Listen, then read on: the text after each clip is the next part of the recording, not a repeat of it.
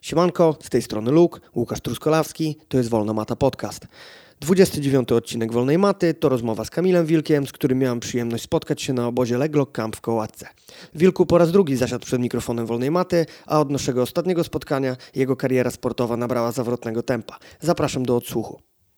Ground Game Sportswear, czyli firma, której nikomu nie trzeba przedstawiać, sprzęt do sportów walki, rashgardy, kimona, także sprzęt do sportów uderzanych, no i oczywiście część lifestyle'owa, w której bujamy się na co dzień. Zapraszam do odwiedzenia ich strony na Facebooku i na zakupy z Ground Game.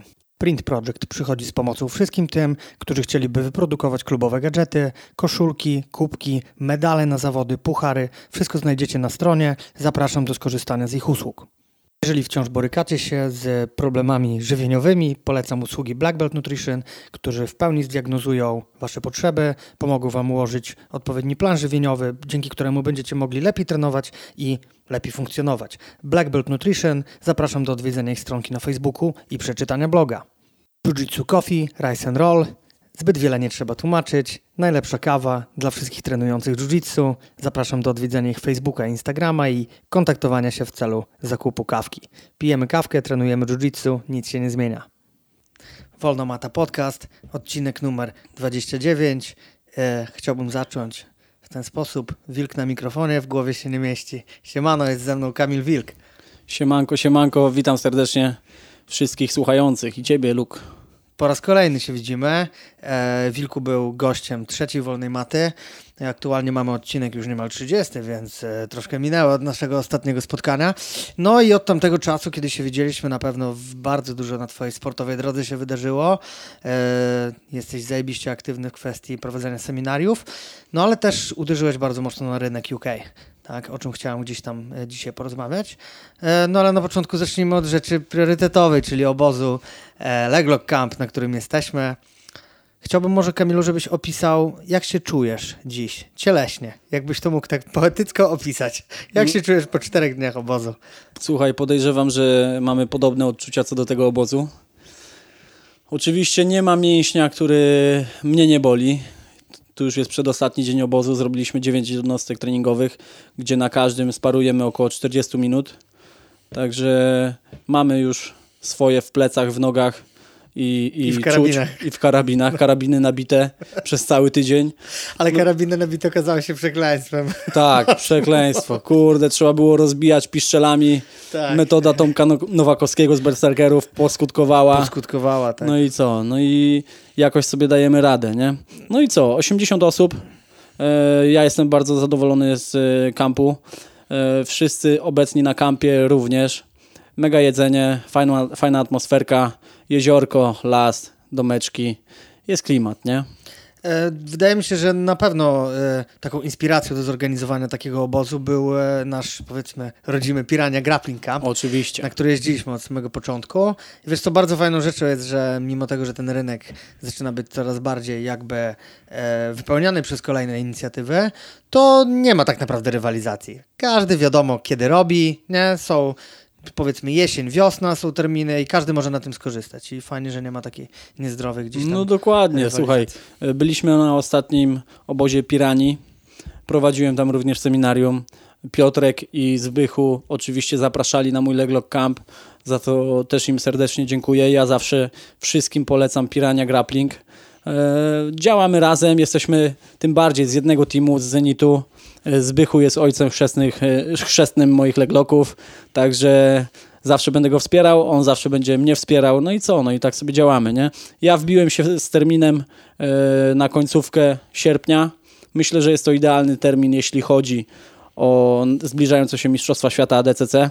W przyszłym roku będzie również idealny termin, bo też końcówka sierpnia i trialsy będą, i trialsy będą w październiku, także znowu wydaje mi się, że termin będzie tak samo pasował jak w tym roku, nie? No tak, trzeba przyznać, że ta druga połówka sierpnia jest dobrym terminem, ponieważ większość e, ekip, znaczy różne są terminy, wiadomo, ale sporo ekip organizuje na przykład w pierwszej połowie lipca, czy generalnie w lipcu, więc przy dobrych wiatrach, jak się jest, powiedzmy, tam ma się ambitne jakieś podejście, to dwa takie obozy można zaliczyć. Obozy, to wiesz, no mają to do siebie, no nie szukujmy się, no warunki są, wiesz, jeziorko, domki, więc to, że tutaj są dwa treningi, które są notabene ciężkie, to cały, że tak powiem, atmosfera atmosfera, ekosystem, jak wczoraj nazwaliśmy, dookoła sprzyja takiemu e, dobremu rytmu treningowemu. O, tak. Jak, jak najbardziej, słuchaj, robimy e, rano trening, trening trwa dwie godziny, po treningu siedzimy jeszcze z pół godziny na macie, każdy dochodzi do siebie, łapie trochę tlenu,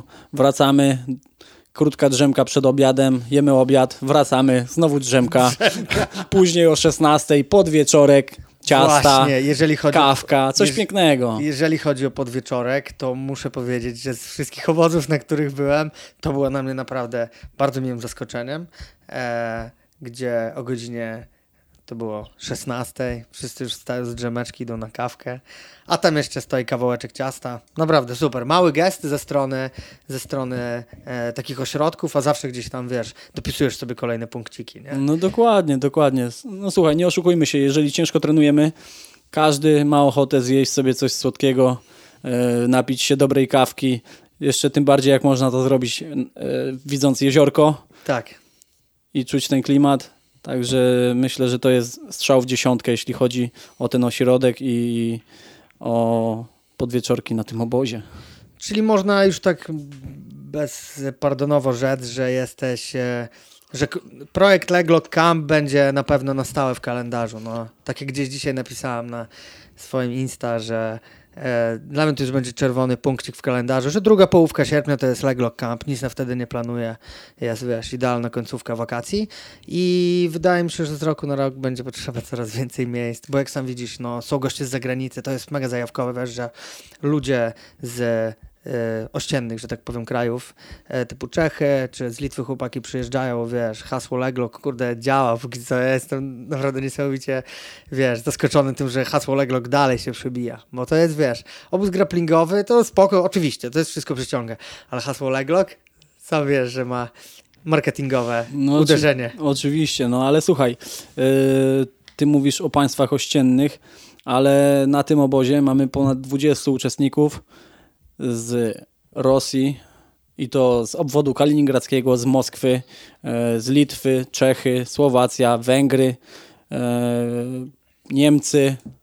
Już do mnie pisali zawodnicy z Wielkiej Brytanii, że na przyszły rok yy, mam trzymać dla nich miejsce bo chcą przy, przylecieć. Także myślę, że robimy tutaj dobrą robotę z Mateuszem i, i na stałe zagościmy w tym kalendarzu tych obozów w Polsce. Nie będziemy się tam nikomu wcinać e, w terminy. Chcemy to robić raz w roku.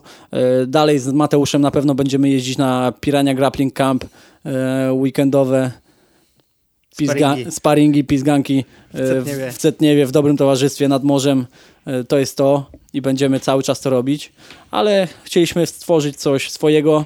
E, Jeśli chodzi o ilość uczestników, nie będziemy chcieli robić większych obozów niż e, 100 osób, tak? Tak, bo to Tu jest- komfort pracy. pewien Dokładnie. Tutaj jest e, 300 metrów maty. Nie chcemy mieć e, za dużej ilości osób, żeby te sparingi nie były groźne, e, żeby każdy na siebie wpadał. No i ta, tak to będziemy sobie działać, nie? No właśnie, bo to kwestia bezpieczeństwa też gdzieś tam jest podkreślana od e, bardzo dawna, tak samo na obozach tam u Zbycha i u Piotrka, e, że generalnie uważać na siebie. I wiesz, to wydaje mi się, że coraz więcej osób tak walczy, z tego co obserwowałem, nawet osoby bardziej, powiedzmy, no powiedzmy średnio zaawansowane, tak? Nie wiem, jakie mają pasje, no niestety nie widać tego gdzieś, ale... Albo istety. Tak, albo estety, ale jak dochodzą do tych nóg, to rzeczywiście nie, poju, nie połują się na to, żeby, wiesz, urwać tą stopę, tylko żeby też cały czas pracować w jakichś takich młynkach, nie? Słuchaj, myślę, że świadomość tych yy, dźwigni na nogi jest coraz większa i dlatego każdy widząc, że ta dźwignia nie wchodzi albo że przeciwnik nie chce jej klepnąć, po prostu puszcza ją i idzie dalej, bo nie chce nikogo uszkodzić. Ja jestem dumny, bo robimy, już zrobiliśmy 9 treningów na tym obozie. Jutro jest ostatnia jednostka treningowa, a nie mieliśmy praktycznie e, jednego urazu na tym obozie, bo e, nikt mi się nie skarżył, że, Nie, nie coś, że coś mu e, tam dolega, że jakaś poważna kontuzja. Jeden chłopak ode mnie z klubu źle po prostu wychodził z dźwigni i mówi, że lekko czuje kolano, ale to to się zdarza i tyle. No, ja jestem zadowolony z tego, że nie było żadnej poważnej kontuzji, a hasło leglock kojarzy się z kontuzjami. Z piekłem. Z piekłem, tak? A tak naprawdę to nie jest niebezpieczne, jeżeli y, wiemy jak to robić i robimy to z głową, tak? Jeżeli to praktykujemy, Kamil, przede wszystkim, bo najczęst, najczęstszym e, powodem takiego strachu jest po prostu brak praktykowania tego, no wiesz, zamiast powiedzieć, nie wiem, że, że te skrętówki są niebezpieczne, to lepiej powiedzieć, ty, ja się nie znam na tym, nie? No ale to wiesz, jak z powiedzeniem się, ja się na czymś nie znam. No niestety wszystko. No nie każdy chce powiedzieć tak. właśnie to stwierdzenie, że on na czymś się nie zna, e, będąc czarnym pasem, e, ale myślę, że nie ma w tym nic złego. Jeżeli ja bym miał czarny pas i nie, nie lubowałbym się w leglokach, to nie miałbym problemu powiedzieć tego, że to nie jest mój konik i tego dokładnie, nie ogarniam tak dokładnie. dobrze, nie? E, tak samo jak teraz mówię, nie jestem specem w kimonach i myślę, że mocne purpury, brązy to by mnie pokręciły w moment w, w kimonkach, nie? Ale nie mam z tym problemu. Ja uczę się nawet od białych pasów, od niebieskich i, i dla mnie to się liczy i tyle.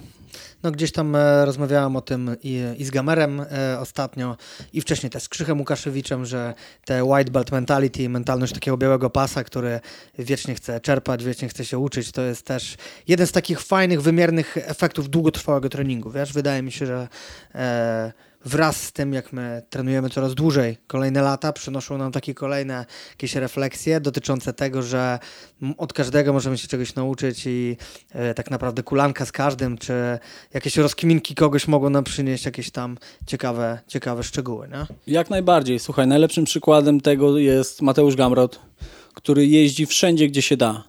On po prostu chłonie wiedzę i chce czerpać ją z każdego źródła. Nie? I to, to ogromnie szanuję. E, widzę u Mateusza ogromny postęp, mimo tego, że jest e, mega dobrym zapaśnikiem, zawodnikiem MMA, to ogromny postęp widzę w jego jiu-jitsu i co, jaram się tym i czekam na Mistrzostwa Świata. No tak, czekamy. Ja w ostatnim podcaście z, z Gamerem poprzednim określiłem jego styl jako e, wrestle jitsu, czyli wiesz, jiu-jitsu połączone z zapasami. E, wydaje mi się też na dany moment, że jest to taki styl jeszcze mocno nieodkryty na naszej polskiej scenie, ale taki, który przy odpowiednim natężeniu, znaczy ktoś jakby z tym wchodził, to mógłby, mógłby dominować, wiesz, z połączeniem właśnie tak jak Gamer, z takich solidnych, solidnych zapasków, do tego dołączone z takim już kumatym, kumatym poziomem w jiu-jitsu, w grapplingu, e, gdzie wiesz, uczył się walczyć z gardy, bo to jest dla nich jakiś trudny taki element na pewno dla zapasiora, czy dla kogoś, żeby wiesz, walczyć z pleców albo z tyłka, bo to są jakieś tam pozycje e, nienaturalne dla nich, ale też w momencie, w którym widzisz, że ktoś się na to otwiera, to już coś, coś, coś jest na rzeczy, nie? coś jest na rzeczy. No dokładnie, ja coraz częściej widzę Mateusza yy, próbującego walczyć gardą. z pleców, gardą i bardzo dobrze mu to wychodzi, a jeżeli zapaśnikowi zaczyna wychodzić walka gardą, to znaczy, że czuje się już pewnie w tym jiu i bawi się tym, co robi, nie? Kamil, od ostatniej piranii widzieliśmy się, mamy rok 2019-18, gdzieś w marcu, tak, wtedy na tej e, wiosennej edycji. E, dużo tak naprawdę się działo tamtego czasu, stoczyłeś 3 lub 4 superfighty w UK, e, łącznie, nie wiem, mogę się mylić. Wyliczysz teraz, ile tego było?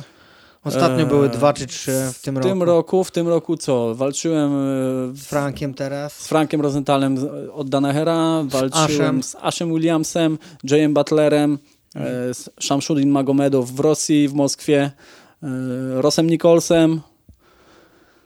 No właśnie, było tego o wiele więcej. I oczywiście Jeremy Skinner. Z Jeremy Skinnerem tak. właśnie. I te superfighty tak naprawdę i scena UK pojawiła się w tym roku, nie? W tym roku, w tym roku, ale po czym to się pojawiło? Pojechałem w grudniu na Mistrzostwa DCC Wielkiej Brytanii. Na ADCC UK Na ADCC i wszystko wystrzeliło właśnie po tym. Pojechałem tam, wygrałem wszystkie swoje walki przez poddania i co, zatrybiło.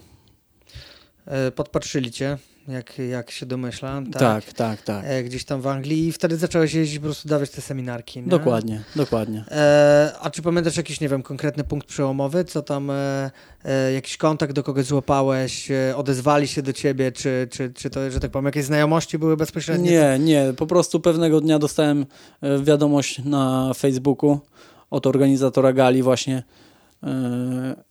Panteon, to był Liam. Panteon, tak. Tak, jest. tak. I co? No miałem walczyć z Ashem Williamsem. Tydzień przed walką wypadł. No i pytanie, czy chce się bić z Rossem, bo on był przygotowywany do kategorii minus 80, ja do minus 70. tak. Niewiele myśląc powiedziałem, dobra, siekamy. No i co? E, tak właśnie potwierdziłem walkę z Rossem dzień wcześniej, nie, z pięć dni wcześniej. Albo ze trzy, już nie pamiętam dokładnie. No i od tego się zaczęło. No to tak, e, w tym roku wiadomo, to super fighty, więc tak naprawdę aktywny zawodniczo jesteś cały czas. E, jeździsz, robisz, robisz e, super fighty, startowałeś też na trialsach, tak? W Więc... tamtym roku. W tym roku nie mogłem, ponieważ... Tak, w Rumunii jeszcze. Tak, bo no. miałem pęknięte cztery żebra i miałem niestety 2,5 miesiąca przerwy w treningach. No i to mnie Więc- trochę wykluczyło. Trochę cię wykluczyło, tak, ale potem jeszcze super fighty potem były, tak? Tak, tak, tak. E, więc e, aktywny zawodniczo jesteś cały czas. No ale oprócz tego jesteś cały czas, że tak powiem, aktywny instruktorsko. E, prowadzisz i treningi indywidualne, i treningi grupowe. Pracujesz też z chłopakami z, z MMA i tak się zastanawiałem, jak to u ciebie trybi z dnia na dzień. W sensie, wiesz, dzielenie jakichś tam swoich rzeczy, czy masz czas na to, żeby, nie wiem, drillować jakieś swoje rzeczy, swoją jednostkę zrobić, czy po prostu polegasz na tym, co, co masz na jakichś takich zasobach czasowych. Wiesz co, nie robię drilli samodzielnie czy z jakimś partnerem pode mnie. Po prostu staram się wykonywać akcje, które mogą mi się przydać w walce na sparingach, na grupie zawodniczej, którą prowadzi Marcin Bandel u nas w klubie. No i ta, tam toczę swoje główne e, przygotowania, główne sparingi z najmocniejszymi ludźmi. Do tego dochodzą oczywiście treningi indy- indywidualne z ludźmi, którzy są naprawdę kotami w parterze i, i robiąc im trening, prowadząc im zajęcia, również nie, nie ma co oszukiwać, korzystam z tego ja, tak? No tak, robisz też sam, Robię nie? również z nimi sparingi, dwie, trzy rundki zawsze, Zawsze. a czasami no 4-5, to, to, to też daje efekty, nie? No tak, bo treningi indywidualne oprócz tego, że e, same w sobie są no, energochłonne, nie oszukujmy się. Sam wiesz, że poprowadzić wieczorem grupę po kurde kilku, kilku, no może kilkunastu to nie, ale takich długich prywatkach, na której na każdej się kulasz, no bo nie odmówisz im przecież tego. Samemu ci się chce. Zawsze się kulam, zawsze się kulam na zajęciach indywidualnych, chyba że właśnie e, mam jakąś kontuzję, jakiś uraz, czy jestem przed walką, dwa dni przed walką, to wtedy odpuszczam, nie? Tak, ale wiesz co, to jest, to jest fajna, fajna sprawa. Nie wiem, czy masz generalnie klientów indywidualnych, takich powiedzmy, co przyszli do ciebie stricte na jiu-jitsu tylko, czy takich, co już trenowali, prowadzisz. Też mam takich. Mam Takich i, ta, zdo- i takie osoby, i takie osoby. No i też trzeba przyznać, że fajnym jest obserwowanie, rozwój takiego gościa, co przyszedł do ciebie od początku i nie uczy się jednak tym typowym systemem na grupie, tylko robi tylko z tobą. Powiedz, czy takich klientów też go- ganisz, żeby na grupę przychodzili? Nie ganię, ale po pewnym okresie czasu, po przerobieniu dwóch, trzech miesięcy, proszę ich o przyjście na grupę, żeby po prostu Posparowali. z kimś, in, z kimś innym, żebym zobaczył, jak to wygląda, czy idziemy w dobrą stronę. No i, i to jest miód na, miód na moje oczy, jak widzę później, na przychodzi gościu na grupę i, i robi dobre rzeczy z ludźmi, którzy trenują dużo, dużo dłużej, nie? E, wiesz co, ja zastanawiam się e, od dłuższego czasu nad fenomenem teraz takiego, nie wiem, czy to teraz wystrzeliło, to zjawisko, o którym powiem, czy ono było wcześniej, tylko ja dopiero dostrzegłem, mianowicie o takiej nowej erze mastersów trochę, wiesz, w naszym kraju. E, zarówno zauważyłem to w kimonach, ale gdzieś podczas rywalizacji na ADCC, czy, czy na Mistrzostwach e, Polski Nogi, że coraz więcej jest tych takich, wiesz, trenujących już po 40 ludzi, którzy nie to, że trenują już na przykład zdychę, czy około 10 lat, tylko zaczęli 2-3 lata temu, tak wkręcili się i na przykładzie chłopaków kilku od siebie z klubu, to muszę stwierdzić, że no kurde, wygrałeś drugie życie, nie? Takie mam wrażenie, że jak zaczynasz trenować, nawet y, wiesz co, zauważam po swoich, że tak powiem, podopiecznych, którzy e, też doszli, przyszli do mnie tak powiedzmy od zera, do mnie tylko indywidualnie, w jaki sposób ich to zmienia, gdzieś jakie przemyślenie im to daje i to generalnie daje podobne, podobne efekty niż to, y, jak to, co jest prowadzone na grupie. Tylko wiesz, nie ma aspektu społecznościowego, gdzie jest dużo ludzi, ale chcąc, nie chcąc, on otrzymuje tam jedną rzecz, którą otrzymują wszyscy. Wpierdziel, który potem daje przemyślenia i który potem prowadzi do jakiegoś tam mentalnego takiego rozwoju, nie? No tak, nie no, słuchaj, e, ja, ja już mam kilku klientów, którzy są grubo po 40 i jaram się tym, jak po dwóch, trzech treningach słyszę, kurde, dlaczego ja nie zacząłem tego trenować wcześniej? to jest coś tak. zajebistego. Y, Normalnie kończy się trening, ja już myślę, kiedy się umówić na kolejny, nie? Tak. Y, Później piszą mi, wyślij mi jakieś filmiki z, z ADCC albo Tak, coś. tak, ja chcę tak. to oglądać i jarają się tym, nie? Tak. Wiesz, ludzie mają już poukładane życie, y, mają status finansowy już też jakiś dobry, y, ale nie mieli wcześniej czasu, żeby y, pracować nad sobą, nie? No Brnęli bardziej w to, żeby utrzymać rodzinę, y, zapewnić dobry byt rodzinie, żyć na jakimś tam godnym poziomie, a teraz po prostu odkrywają coś nowego po 40, nawet po 50. I Tak. to jest piękne. To jest piękne, że możemy zaczynać ten sport właśnie w różnym wieku. Nie musimy tego zacząć mając 15 lat, 12, 8, e, ale można go zacząć mając 40, 45, 49, 50. No i, i to jest dobre i myślę, że dlatego coraz więcej ludzi to trenuje i coraz więcej mastersów, tak jak powiedziałeś, bo oni widzą, że tu nie trzeba tego e, zaczynać Tak. mega, mega wcześnie. Tak, że zaczynasz, e, jedziesz na zawody i walczysz z gościem w swojej kategorii zaawansowania, który trenuje tyle samo lub trochę dłużej, trochę krócej niż ty i z którym, wiesz, e, zbijasz piąteczki. Też e, zauważyłem taki fajne, taki, takie, takie zjawisko, że wiesz, niektórzy mastersi się jarają, że się wkręcają w środowisko, że to już, ty, to już spotkałem ziomeczka na zawodach, to z nim ostatnio walczyłem. Tak, tak, tak. Wiesz, już zbiliśmy piątkę, ten, kurde, no, drugie życie, autentycznie, jeżeli mielibyśmy spojrzeć na to tak, że bardzo duży procent społeczeństwa w pewnym wieku prowadzi już taki, wiesz, tryb życia. Zdziadziały tryb życia. To znaczy zdziedziały. W weekend gdzieś sobie wyjdą, wódeczki się napiją, wiesz, pojedzą, bla, bla, bla. Kacyk jeden dzień, potem znowu do pracy i po pracy jest generalnie, no... Nie chciałbym, y, żeby to zabrzmiało obraźliwie dla kogoś, kto tak nie robi, ale ja na przykład teraz nie wyobrażam sobie życia, w którym wracam po pracy i już do wieczora siedzę w domu lub robię jakieś takie, oczywiście czynności typu spacer, rower. Nie mówię, żeby, wiesz, od razu robić jiu-jitsu, ale po prostu to, ile pojedynczy trening półtorej godziny w ciągu dnia potrafi zmienić długoterminowo twoje nastawienie do życia, no nie wiem, Kamilu. Nie wiem, nie wiem jak dać to światu, żeby, wiesz, żeby świat to zrozumiał, bo to jest naprawdę jedna z pozytywniejszych, z, po, z pozytywniejszych rzeczy, e, s- które możemy jakby dać sobie już w takim okresie, jak, wiesz, jesteśmy. No dokładnie, słuchaj. No co, no my możemy tylko zarażać tym, co robimy i myślę, że każdy z nas robi to na swój sposób i jedni zarażają bardziej, inni mniej. Zdarzają się również też trenerzy, którzy swoją pracą no, nie zachęcą tych ludzi do, do trenowania na dłużej, tak? Każdy, każdy trafia e, albo w, dobre ręce, albo w nieco gorsze. No ale to już jest e, rola tych klientów, żeby, żeby szukać tych dobrych rąk i, i żeby złapać zajawkę na ten sport, nie? Tak, też e, właśnie wydaje mi się, że nie każdy nadaje się do tego, aby być trenerem indywidualnym. Zdecydowanie. Powiem ci o tym otwarcie też. Jakby nie każdy się nadaje, musisz mieć to coś, a to coś zweryfikuje ci ilość na przykład kolejnych ludzi, którzy będą przychodzili do ciebie i będą wychodzili zadowoleni. Nie? Na takiej zasadzie, bo możesz mieć rotację, możesz mieć 5-10 osób, ale one się cały czas zmieniają, nie? A jednak sukcesem jest na przykład utrzymać, nie wiem, trójkę, czwórkę, piątkę od dwóch, trzech lat, którzy do Dokładnie. ciebie trenują, nie? Dokładnie. To jest, to jest ogromny sukces właśnie. Jeżeli masz kogoś, z kim już działasz, działasz drugi, trzeci rok, widzisz jego rozwój, jeździ, później już jak się wkręci, jeździ z tobą na obozy, e, dostaje nominacje, jedzie na zawody, jedzie no, gdziekolwiek, na jakieś seminaria i jara się tym, dzwoni do ciebie, słuchaj, widziałem taką walkę, taką walkę i, i opowiada ci o tym, nie? No to to jest ogromny sukces. E, Zastanawiałem się ostatnio nad tym, jak e, bardzo rozwinęła, rozwinęła się Twoja kariera sportowa przez ostatnie lata. E, Tak jak przy pierwszym podcaście wspominaliśmy, no momentem przełomowym na pewno były Mistrzostwa Polskie DCC 2.16, gdzie zrobiłeś swój pierwszy tytuł. E, Rok później zrobiłeś swój drugi tytuł. Po drodze trialsy, dwa razy były jakieś tam gdzie byłeś drugi. No było dużo, już nie będę wymieniał, bo zaraz coś pierdolne i wyjdzie źle.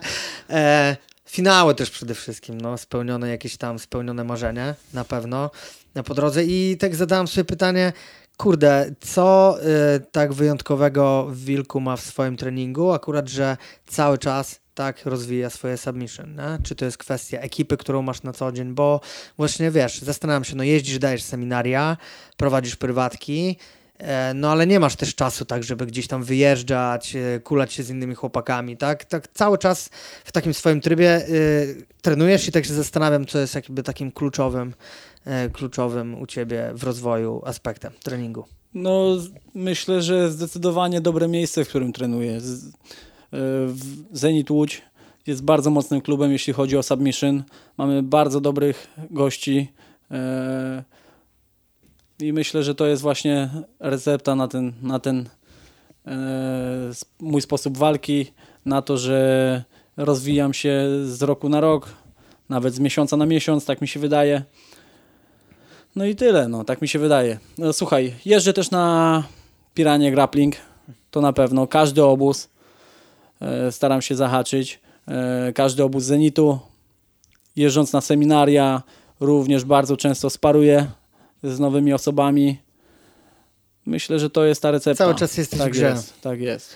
A, czyli generalnie ludzie, tak? tak? Jakby nie patrzeć, najbardziej tak e, są w tym wszystkim pomocni. Nie? Słuchaj, no możesz być nie wiadomo jak utalentowany, ale jeżeli nie będziesz miał dookoła siebie dobrych ludzi, yy, którzy będą cię ciągnąć w górę, a nie w dół, no to nic z tego nie będzie. Nie? Ja mam po prostu u siebie w klubie mocny skład, cały czas idziemy do przodu, jesteśmy kumplami yy, i myślę, że to jest, to jest to. No właśnie, yy, a propos, poruszyłeś teraz dobrą kwestię. Myślę, że bardzo ważnym aspektem w, w ogóle w yy, prowadzeniu, jakby w szkoleniu brazylijskiego jiu-jitsu, czy grapplingu, czy submission jest to, że często trenerzy i w ogóle ekipy, które są w klubie, podzielone hierarchią trener i podopieczni, są właśnie mocno skumplowani. Ta, ta relacja jest naprawdę e, spoko, tak? Każdy ma do siebie szacunek, ale wiadomo, że kto jest trenerem i, i, i reszta jest podopiecznymi i, i, ale to wszystko nie jest, wiesz, nie jest oddzielone jakąś taką grubą kreską, że cicho, cicho, wiesz, trener idzie tam. Oczywiście są wyjątki, tak? tak? Są wyjątki, że podopieczni mają aż taki szacunek do trenera, że stają na baczność, ale ta, ty sam, tak jak mówisz, jesteście kumplami, tak, to też bardzo odgrywa, nie? Chyba taką istotną rolę. Nie, no oczywiście, tak jak mówisz. Słuchaj, yy nie jestem jakimś starym dziadem, nie mam e, nie wiadomo ile lat i kurde nie wiadomo ile stażu. E, staram się nadążać za tymi młodymi e, i mm, nie zdziadzieć przy nich. I wydaje mi się, że nie ma co podnosić za wysoko głowy, wywyższać się na tle innych, na tle białych pasów czy niebieskich. Do wszystkich trzeba podchodzić z należytym szacunkiem. To, że na macie ma jak, jakiś tam niższy stopień, nic nie zmienia. Dla mnie to jest normalny koleś, normalny kumpel i, i, i tyle. No. Staram się działać w ten sposób, że yy, nie patrzę na kolor pasa, jeśli chodzi o ludzi. Yy, moimi głównymi teraz kumplami to są oczywiście osoby z maty. Nie mam innych kolegów praktycznie. Rozmawialiśmy. Nie ma, nie, nie ma na to czasu. I tak naprawdę najlepsi moi kumple... Yy, kiedyś spuścili mi w pierdol, albo ja im spuściłem w pierdol, nie? Mhm. Na macie. Także, także to wygląda w ten sposób u mnie i na pewno u ciebie i u wielu, wielu innych ludzi, nie? No tak, e, też gdzieś ostatnio rozmawiałam o tej kwestii e, ze swoją e, dziewczyną, Gabryśką, że na chwilę obecną ludzie, którzy wiedzą najwięcej o tym, co u mnie w życiu jest, to są ludzie z maty. Nie?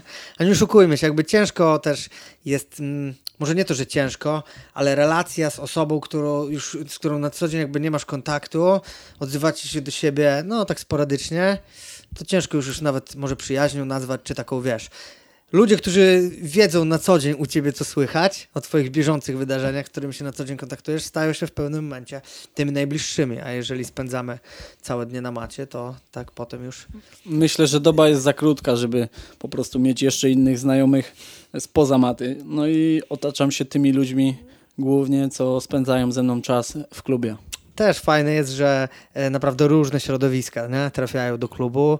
Ludzie, którzy potencjalnie może czasami nie mieliby szans w życiu się przeciąć gdzieś, wiesz?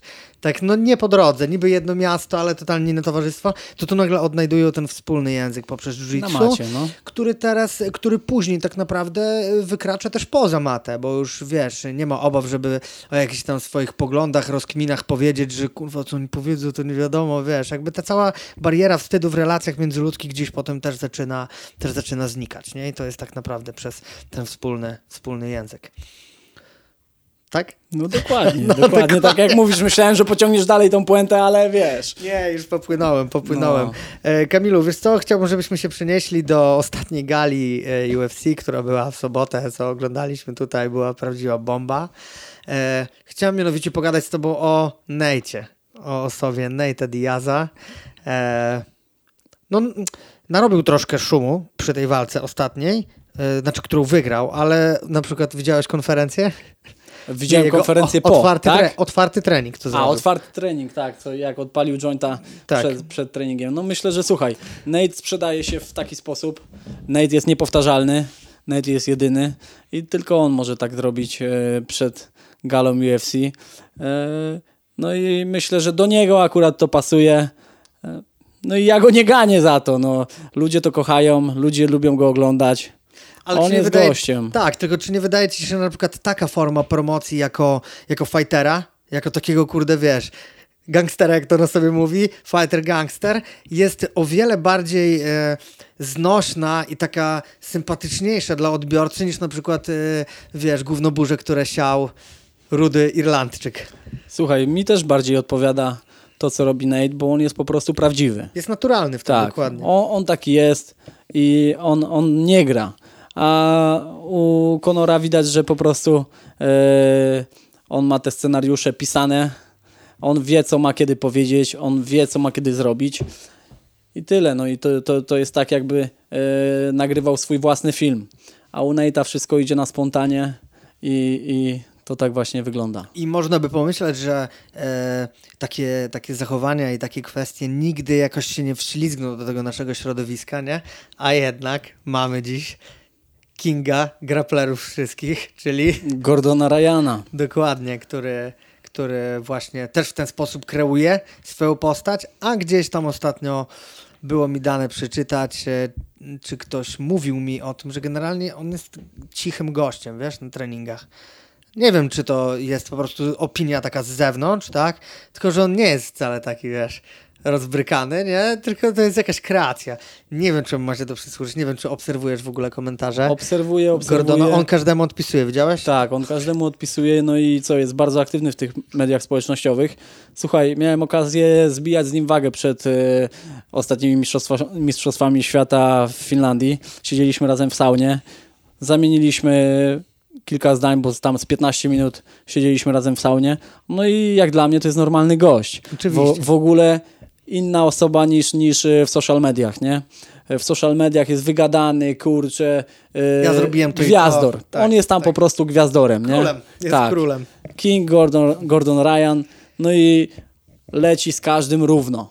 Ale myślę, że ten sposób sprzedawania się w internecie yy, idzie mu bardzo dobrze, bo zarabia ogromne pieniądze na superfightach. Ogromne na pieniądze na szkoleniówkach, na yy, kontraktach jakichś e, sponsorskich. Także ktoś taki też jest potrzebny. No. Mo wiele osób może to razić, ale no jest, to, to, to nasze jiu-jitsu jest trochę barwniejsze dzięki, dzięki takiemu Gordonowi, nie? No z jednej strony można tak na to popatrzeć, a e, wiesz, gdzieś od zawsze byliśmy tacy nasyceni te, e, tymi wartościami, typu wiesz, szacunek i, i to widać gdzieś e, oczywiście u zawodników, którzy e, też są w MMA, na przykład ostatnie, wiesz, e, e, starcie Rodolfo z Oskarem, które było, no to widziałeś, co było na ważeniu, nie? Tak, tak, ogromny szacunek. Ogromny szacunek, okaz, to też jest naprawdę piękna sprawa, którą można poruszyć serce, tak, widza, ale nie, wiesz, ale no, nie oszukujmy się, no jakby takie bycie miłym długoterminowo w, w kwestii rozrywkowej, no po prostu się nie sprawdza, tak? Tak, tak. No ja, słuchaj, ja nie jestem y, fanem robienia takich, takiego show, jak, jak robi Gordon, ale doceniam to, co robi, bo wiem, że dzięki temu, co on gada, co on tam sobie wypisuje. E, nasze jiu-jitsu jest po prostu coraz bardziej popularne. Mhm, mhm. I, I ja go nie będę ganił za to, za sposób bycia w internecie. E, niech robi, co robi. Póki mnie to nie dotyczy i, i tam moich kolegów, to będę się z tego śmiał. No tak, wiadomo. I tyle, no. Ale ty też e, tak naprawdę dbasz o aktywność mocno na, na, social, na so, socjalach, mediach społecznościowych. E, I muszę ci przyznać, że no, zazdroszczę ci trochę systematyczności i takiej, e, takiej, że tak powiem, e, ogarnięcia tego, bo, bo ja gdzieś mam, wiesz, zawsze 2-3 dni coś powrzucam, potem gdzieś oleję temat, bo coś tam, coś tam. No, aczkolwiek, wiesz co, pasuje mi to na pewno do, do, do twojego obecnego, że tak powiem, statusu osoby, która prowadzi seminaria, która gdzieś gra dużo tych superfightów, gdzieś ugrywa, cały czas poluje na jakąś okazję. No bo nie oszukujmy się, Wilku, stałeś się po prostu zawodowcem na dany moment. To już trzeba tak określić. Na ten moment, słuchaj, yy, muszę działać y, prężnie w social mediach, czy to na Instagramie, czy na Facebooku, bo traktuję to jako swoją pracę, nie? Nie, ro, nie robię nic innego, zajmuję się tylko i wyłącznie jiu-jitsu. Prowadzę seminaria, prowadzę zajęcia, yy, jeżdżę, yy, mam superfighty w Wielkiej Brytanii, w Rosji. Także no, Muszę to robić, lubię to robić, ale staram się to robić w dobrym smaku, e, nie wrzucać nie wiadomo jakich pierdół, jakich, bz, jakichś bzdur na, na, na te social media, tylko krótkie informacje takie, które mogą zaciekawić e, ludzi, którzy mnie znają, którzy w jakiś sposób mnie kibicują i, i wspierają mnie, tak? E, wrócę raz jeszcze do tego, co powiedziałem. Stałeś się pro jiu-jitsu fighterem zawodowcem po prostu. Jak ktoś by się cię zapytał, kim jesteś z zawodu, jestem graplerem, tak, po prostu. Tak mógłbyś o sobie powiedzieć, że jesteś zawodnikiem. E, wiesz co, tak się zastanawiam nad tym, jak e, tak naprawdę ewoluowało to pojęcie na przestrzeni lat. Przypomnij sobie, powiedzmy, gdzieś nasze początki, gdzieś jak się poznaliśmy wtedy na tych niebieskich pasach. Co to było w ogóle, jak odległym kosmosem było powiedzenie, że ty na przykład będziesz zawodowcem w jiu-jitsu. Nie no, słuchaj. Ja... Ale pamiętasz, z czym to się wiązało? Buszesza, no, Brazylia. No, ale przecież mi to nigdy nie przyszło nawet do głowy. Nawet o tym nie pomyślałem, że ja kiedykolwiek zarobię złotówkę na jiu-jitsu. Ja po prostu robiłem to, bo to kochałem. E, wkręciłem się w to na maksa i dlatego to robiłem. A to, że w, po pewnym czasie zaczęło to sprawiać mi jakieś e, korzyści finansowe, to wyszło samo. Ja nie, nie, nie byłem sfokusowany na tym, żeby to było moim stylem na życie. E, miałem inne plany na, na e, rozwój zawodowy czy, czy zarabianie pieniążków, ale e, samo przyszło. Myślę, że ciężka praca to spowodowała i ja dzisiaj czuję, że nie pracuję, tak? Bo robię to, co kocham, robię to, co sprawia mi ogromną radość i to jest moją pracą, ale ja tej pracy nie odczuwam, ona mnie nie męczy. Robię to, co lubię. E, odwrotną teorię na to miał właśnie Andre Galvao, który powiedział, że e, to nie jest prawdziwe, to by prawdziwa ta teoria. E, powiedział, że jeżeli tak naprawdę robisz to, co kochasz, to będziesz pracował dwa razy ciężej, żeby to utrzymać w ten sposób. Jest w tym też trochę prawdy, jak sam przyznasz, bo nie mógłbyś teraz osiąść na laurach, jak już masz, wiesz, no już seminaria czy coś, po prostu cały czas musisz być w formie. Ale to nie jest, to nie jest przymus. Ja chcę nie, no tego. no oczywiście, tak, tak. No, to, to, to także y, nikt nade mną nie stoi, nie każe mi tego robić. Ja po prostu mam wewnętrzną potrzebę y, progresu. Mam wewnętrzną potrzebę y, pomagania ludziom, przekazywania wiedzy, jaką przez 10 lat treningów otrzymałem od kogoś lub e, rozkminiłem sobie samemu, to, to ja się tym jaram i, i, i to jest moja wewnętrzna potrzeba, także ja to robię dla siebie.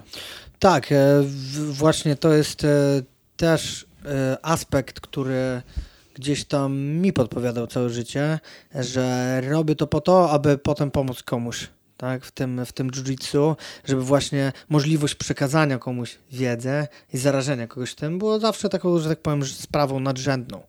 Y, I tak naprawdę, wiesz co, teraz mogę tylko strzelać, tak, że zarówno ty, jak i ja kierowaliśmy się tym i no udało nam się, tak? Co mówię, co jeszcze nie było e, kilka lat temu w ogóle nie do pomyślenia, nie? że ktoś ci będzie chciał zapłacić 50 zł. W, w 2016 roku, tak. kurde, e, nawet nie przyszło mi do głowy, że ja będę z tego kiedykolwiek żył. No, no właśnie, a widzisz, jak, jakby, jak to wszystko musiało ewoluować, skoro e, kiedyś wyobrażaliśmy sobie zawodostwo, jedynie widzieliśmy, wiesz, Rodolfo, tych, co wygrywają mundiale i potem dają seminaria, a to się okazało, że, no bo nie oszukujmy się, tak, tak naprawdę nie zrobiłeś e, wyników na poziomie światowym, żadnych, zrobiłeś sobie dobrą markę tutaj u nas w kraju, e, pokazałeś się z dobrej strony jako specjalista od danego systemu i wszystko pykło, nie?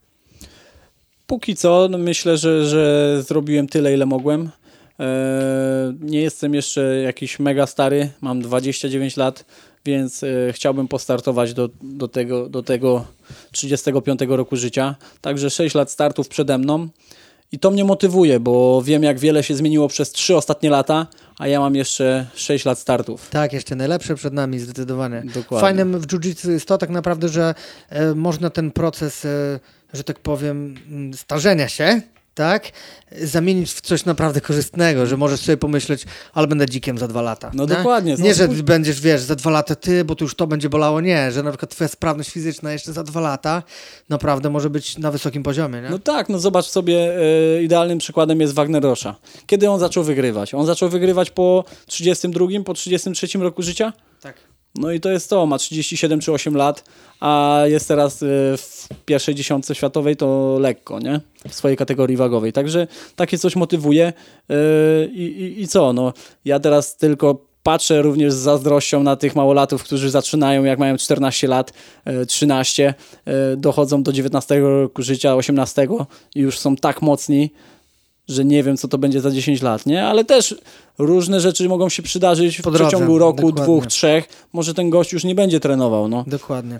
Także nie ma co narzekać i co? Trzeba lecieć dalej ze swoją robotą. No tak jak mówisz, te młode pokolenie, które zaczyna trenować jiu-jitsu, nawet w wieku powiedzmy 17-16 lat, e, powiedzmy szybko się rozwija, ten progres jest naprawdę widoczny, jest mocny, myślisz, ale mało lat będzie kotem, ale też trzeba wziąć pod uwagę to, że na przykład do 30 roku życia, pomiędzy 17 a 30, w życiu młodego człowieka dzieje się tak dużo, że te jiu-jitsu na przykład może przestać go interesować z powodów nie wiem, życiowych, studia, dziewczyny, tego typu rzeczy, ale też czasami, wiesz co, mało lat się wypala, tak? Sam dobrze wiesz, że jest tak, że zacznie wcześniej trenować, idzie mu całkiem sprawnie i potem już mm, Słuchaj, najczęściej jest tak, że e, ci, którzy za, za łatwo osiągają e, pewne sukcesy i za szybko im idzie progres, nie doceniają tego i później po prostu e, nie idą dalej w tym kierunku, tylko, tylko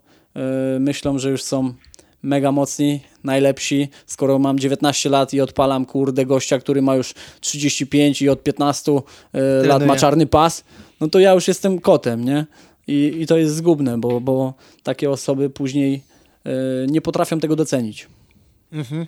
A powiedz mi, czy nie, nie miałeś na początku, że tak powiem, swojej drogi właśnie jak zaczynałeś trenować, bo ile miałeś lat, jak zaczynałeś gdzieś? E, To był przełom 2019, 2000, e, przepraszam, 2009-2010. Miałem 19-20 lat. 19-20 lat, no. E, y, w którym momencie tak naprawdę odczułeś, że nie wiem, zaczyna ci to iść? Czy od samego początku już widziałeś w jaki sposób, że się wyróżniasz, czy byłeś jednym z wielu małych jiu-jiteiro na sekcji, które dostawali baty? Myślę, że byłem jednym z wielu e, i, i nie było takiego przełomowego momentu, w którym zauważyłem, o kurde, jest nieźle. Dobry, że dobry jestem. nie? Myślę, że jak pojechałem na pierwszy obóz w 2010 roku do Gdyni, Mhm. obóz Zenitu i sparowałem z wyższymi pasami, niebieskie, purpury i udawało mi się odpalać właśnie jako biały pas e, te purpurowe pasy, e, to, to, to mi pokazywało, że no, e, nie jest ze mną tak źle i że może za jakiś tam czas będzie, będzie coś z tego fajnego. No i myślę, że z roku na rok było coraz wyżej, coraz wyżej, później jakieś jeszcze mocniejsze purpury udało się odpalić, jakiś brąz. No i to mi pokazywało, że idę w dobrym kierunku i że nasz klub idzie w dobrym kierunku, bo każdy robił ogromny progres. E, a powiedz, czy nie korci cię, żeby troszkę postartować na innych zasadach? E, Zastanawiałem się, wiesz, nad tym, że e, no jednak nie oszukujmy się, legloki są tak bardzo jednostronne, Tak, już kiedyś o tym Tak. jakby m- mówiliśmy, że dużo zawodników stawiających na legloki, ich gra jest bardzo taka, może nie, nie to, że przewidywalna, ale wiesz, jednostronna, siadanie do gardy, albo czekanie na kontrę, albo atakowanie samemu. A ja tak naprawdę widzę cię jako bardziej wszechstronnego zawodnika. Niejednokrotnie widziałem, jak tam odpalasz ludzi przeprostami, tak, jak e, łapiesz po głowę, co wiesz, no tak naprawdę nie przeszkadza już w jakichś tam typowych zasadach e, IBJJF, czy, czy nawet e, na zasadach grapplingowych, bo nie oszukujmy się, no chciałbym cię na przykład bardzo zobaczyć na grapplingu, nie? Słuchaj, jeżeli tylko czas mi będzie na to pozwalał, e, to jak najbardziej będę chciał wystartować na IBJJF-ie lub na zasadach grapplingu. E, Wszystko zależy od kalendarza. Jeżeli teraz, ten rok mam akurat taki, że mam co dwa miesiące, co półtora miesiąca walkę jakąś w Wielkiej Brytanii, jakiś superfight. E, Także no, po prostu nie mam na to czasu. Przygotowuję się cały czas do tej waleczki i, i jeszcze z tego zarabiam jakieś tam pieniążki, to to jest dla mnie priorytet, nie? Y, Jeżeli będę miał tylko więcej wolnego czasu, nie będę miał jakichś zaplanowanych startów, a będzie jakaś ciekawa impreza, to wystartuję i, i co? No i zobaczycie mnie w jakiejś innej formule bez legloków. W czerwonym dresie kadry narodowej grapplingu. Kto wie, kto wie. Do 35 roku życia jeszcze trochę czasu Jeszcze trochę czasu jest, także, także na pewno spróbuję. E, 7 września, Kamil, e, będziesz walczył na gali, kolejnej gali organizacji Grapple Fest, w której zmierzysz się z Paulo Miao. Myślę, że to był wielki szok dla środowiska, kiedy zobaczyli Wilka z Miao. E, tym bardziej, że jeden z naszych rodaków już miał okazję z nim walczyć, Janek Andrzejczuk na ADCC. No powiedz, jak doszło w ogóle do tego, że y, udało ci się dopiąć walkę z Paulo? No, Słuchaj, y, wiesz co, miałem walczyć na piątej edycji Grapple Fest y, bodajże z Marco Kana, y, główny trener Fight Zone London, ale y, wycofał się z walki kilka tygodni przed, nie znaleźli mi przeciwnika. Powiedział mi organizator, że odezwie się do mnie odnośnie walki na kolejnej edycji. No i pewnego dnia, pewnego wieczora po treningu pisze do mnie organizator, że ma dla mnie propozycję walki na Grapple Fest 6 7 września z bardzo mocnym przeciwnikiem. Czy jestem zainteresowany? Ja mówię, jestem zainteresowany każdym przeciwnikiem. Napisał mi nazwisko Paulo Miao. Mohamed Ale. Muhammad Ali. No nie, z nim raczej walką nie byłbym zainteresowany, bo mogłoby się to źle skończyć. Ale jeżeli, słuchaj, e, przeczytałem właśnie nazwisko Miao, no to pierwsze co, kopara mi opadła, mówię, wow, No. to jest Paulo Miao, to jest kurde e, najmocniejszy zawodnik, albo drugi obecnie najmocniejszy zawodnik w kategorii 6-6 na świecie. Tak, tak. Niewiele myśląc, niewiele się zastanawiając, mówię, biorę to. Jeszcze organizator mi powiedział, słuchaj, jeżeli uda ci się z nim wygrać, a wierzę w to i dla mnie to jest zajebiste zestawienie, to twoja kariera wywinduje tak w górę, Tak. że nie będziesz już mógł tego ogarnąć. No Mówię, generalnie opportunity, life opportunity, tak, nie? i, i mówię, yy, stary, masz rację i kurde, nie mogę tego odpuścić, bierzemy to i przygotowuję się pod niego, więc jazda. E, Podcast ukaże się zapewne już po twojej walce e, z Paulo. Tak wszyscy się, wiesz, rozkminiają. Tutaj widzę, że próbują ci podpowiedzieć tutaj taktykę, w jaki sposób walczyć. No nie oszukujmy się, no Paulo jest zawodnikiem bardzo wymagającym, bardzo kręcącym się, aczkolwiek e, walka e, Joao, którą widzieliśmy ostatnio na Kasai, gdzie gościu, gościu na patentach gdzieś próbował go e, może wkurzyć, wiesz, bo też mi się zastanawia, też się zastanawiam, czy taka gra psychologiczna z takimi zawodnikami nie jest istotna na samym początku, Mhm. kiedy oni odczuwają ten dyskomfort, że nie mogą cię powiązać, szybko złapać, to czy to nie zaczyna ich rozbijać troszkę? Tak. Ja myślę, że myślę, że właśnie to ma ogromne znaczenie, bo ja e, widząc walki e, właśnie braci Miao, widzę, że oni się bardzo denerwują, jeżeli nie mogą się pod ciebie wkręcić, jeżeli nie mogą się związać z tobą e, i, i to będzie ważny element tej walki. Ja muszę unikać e, związania się z nim. On po prostu, kurde, e, mega dobrze wchodzi za plecy, mega dobrze robi to berimbolo. Wystarczy, że dasz mu trochę miejsca pod, pod drugą nogą, jeżeli już jedną ma chwyconą do, do odwrotnej dla riwy i już jesteś powiązany, już, już masz go za plecami. Także jak najbardziej, jak najdalej od niego e, trzeba go denerwować jakimiś slapami w kark, e, blaszki w Na czoło. Palharesa. Tak, na Palharesa, nieprzyjemny e, i po prostu tak chyba muszę zawalczyć. Mhm, mhm. Jeszcze Paulą, e, jakby bracia Mijao, ma, bracia Mijao mają to do siebie, że e, no, środowisko, może nie to, że ich nie lubią, ale sam wiesz, jakie wrażenie sprawiają, nie? Zamkniętych, lekko takich autystycznych, jakby tu nie powiedzieć, więc widzę, że wszyscy liczą na to, że Wilku wreszcie poskromi, kurde. Tak, tak, tak. No, no, nie ma się co oszukiwać, no środowisko jiu-jitsu no, nie pała do nich ogromną sympatią. E, każdy zna ich umiejętności i każdy wie, że to są najmocniejsi zawodnicy na świecie. Zarówno jeden, jak i drugi brat. No ale swoim sposobem życia e, nie, nie łapią wielu, wielu fanów, wielu kontaktów e, pozytywnych. Oczywiście są fani ich gry i jarają się tymi zajściami za plecy, za plecy, ale jeśli chodzi o takie stosunki międzyludzkie, to oni są raczej wycofani i, i nie są zbyt kontaktowi. Nie? Także wiele osób mi pisze, że ma nadzieję, że, że uda mi się go poddać, że uda mi się wygrać i że będę pierwszym gościem, który odpali go skrętówką. E, powiedz, czy odczuwasz jakąś taką, no nie wiem, presję związaną z tą walką, bo jak sam mówisz, no, życiowa okazja na to, żeby się pokazać, tak, żeby poddać, wygrać z takim mocnym zawodnikiem. Czy to jakąś taką szczególną presję na tobie stwarza, że to jest to, a jak już to nie pyknie, to ten, chyba czujesz się bezpieczny, nie? Nie, słuchaj, e, to jest, dla mnie to jest sytuacja win-win. Ja walczę z najlepszym gościem na świecie, i w ogóle samo takie zestawienie jest dla mnie zajebistą sprawą, nie? E, to jest docenienie mojej pracy, docenienie mojego e, stylu walki i, i ja z tego się cieszę. Zrobię wszystko, żeby wygrać. E, postaram się zaskoczyć świat i, i wyjść z tej walki zwycięsko ale mój świat się nie zawali, jeżeli będzie, jeżeli wygrana pójdzie na stronę Paulo, tak? Życie toczy się dalej i, i tyle. A powiedz, jak udało Ci się wkręcić Mateusza na galę? E, wiesz co, ja nie wkręciłem Mateusza. Niezależnie od Ciebie. Nie, niezależnie ode mnie. Wydaje mi się, że Marcin Polczyk skontaktował się z, z organizatorem. Mhm. E, Marcin, e, odkąd Mateusz wszedł w szeregi Gorilli, myślę, że Marcin maczał w tym palce i po prostu pomógł Mateuszowi wbić się na rynek brytyjski, z czego bardzo się cieszę. Jedziemy, lecimy razem na tą walkę, będziemy siebie wspierać, będziemy pomagać sobie nawzajem i, i co, no, mam nadzieję, że oboje wrócimy do Polski z, z dwoma skalpami i wygramy swoje walki.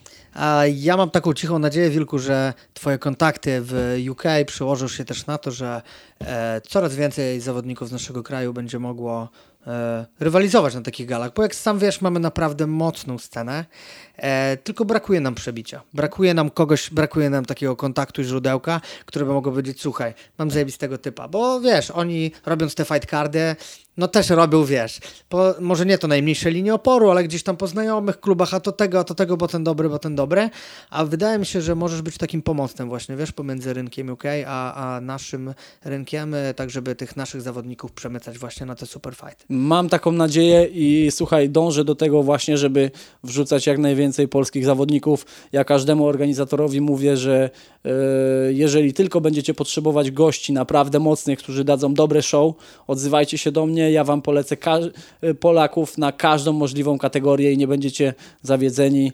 Yy, no i co, będę takim tonym halikiem, kurde, yy, na kontakty z Wielką Brytanią. Tak, właśnie tego oczekujemy, że będziesz naszym ambasadorem w UK. Oby, które, oby. No, które notabene się wypisało teraz. Był tak Brexit. jest, wypisało się. No ale słuchaj, yy, rynek Wielkiej Brytanii myślę, że najprężniej się rozwija, jeśli chodzi o superfighty, o, o gale grapplingowe. No i to jest kierunek dla nas, Polaków, dla zawodników trenujących jiu-jitsu, bo tam trzeba, tam trzeba po prostu się bić. Yy, mało tego, jadąc tam zarabiasz pieniążki razy pięć. Także no właśnie, nie, ma, no. nie, ma, nie ma nic lepszego, tak? Ja będę robił wszystko, żeby jak najwięcej zawodników z Polski walczyło na tych galach i, i organizatorom zawsze polecam e, mocne polskie nazwiska. I ja właśnie bardzo, bardzo się z tego cieszę, że mamy kogoś takiego, kto oprócz tego, że e, swoim nazwiskiem świeci triumfy i reprezentuje, reprezentuje polskie jiu-jitsu, to jeszcze ma okazję, żeby przyczynić się do ekspansji tego. Naprawdę, mega jestem zadowolony. E, Kamil, jesteś e, teraz trzecim gościem, tak właściwie dopiero drugim który odpowie na pytanie swojego poprzedniego gościa i zada pytanie dla kolejnego gościa. Pytanie poprzedniego gościa. Czy wyobrażasz sobie życie bez jedzenia jajek?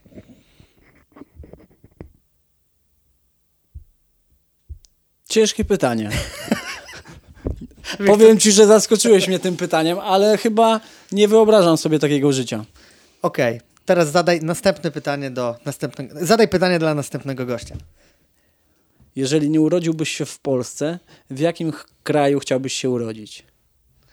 Okej. Wilku, dobiliśmy do mety e, 29 odcinka Wolnej Maty. Bardzo Ci dziękuję za wizytę.